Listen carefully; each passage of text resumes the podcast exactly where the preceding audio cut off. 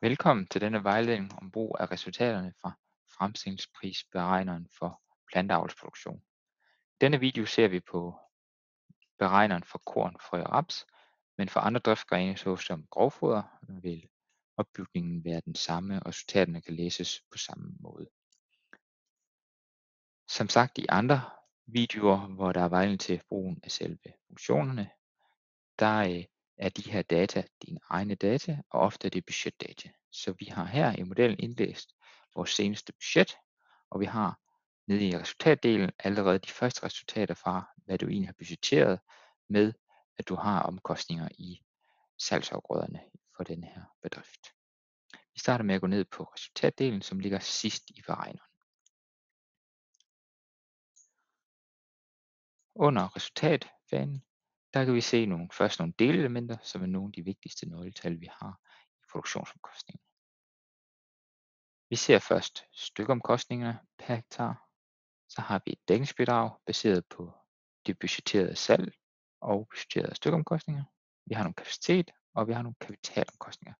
Det her det er alle sammen opsummerede delkomponenter af din fremstillingspris. Resultatet er så konkret her 621 kroner per hektar for den her drift. Det er det, der er budgetteret med. Og når vi regner det om til en fremtidspris korn, som vi gør i Bistec, så svarer det til, at det koster 167 kroner per hektokilo at producere kornet. Hernede er der en øh, ændring, som man kan se, hvis man går ind og laver ændringer. Modellen kan jo justere, kan vurdere, hvad betyder det, hvis vi for eksempel tager noget mere maskinstation ind, eller hvis vi ændrer på noget omkostningsdele i stykomkostninger. Hvad betyder det? Når man har vurderet alle tingene, sat dem ind alle de relevante steder, så vil du få en ændring med det samme. Du kan vurdere og sige, hvor meget betyder den her ændring for de samlede omkostninger, og hvor er vi på vej hen.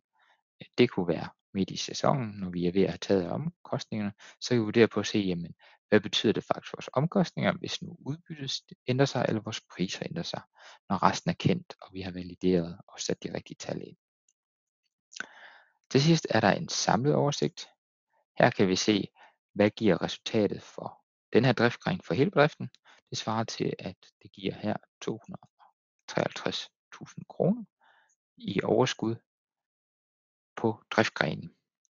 Når vi skal sammenligne det med regnskabsresultatet, så er det uden ejerløn og uden egenkapitalforretning, som du har angivet højere op i modellen.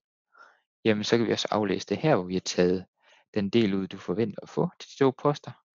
Det kan afles her. Det vil sige, at hvis øh, det her ender sådan for 2023, så vil vi kunne se, for den driftgren, så bidrager de med 670.000 kroner i overskud, hvor så der skal betales løn til ejeren og egenkapitalforrentet. Jeg håber, du får gavn af modellen, og se de andre videoer, hvis du er i tvivl om, hvordan du anvender modellen.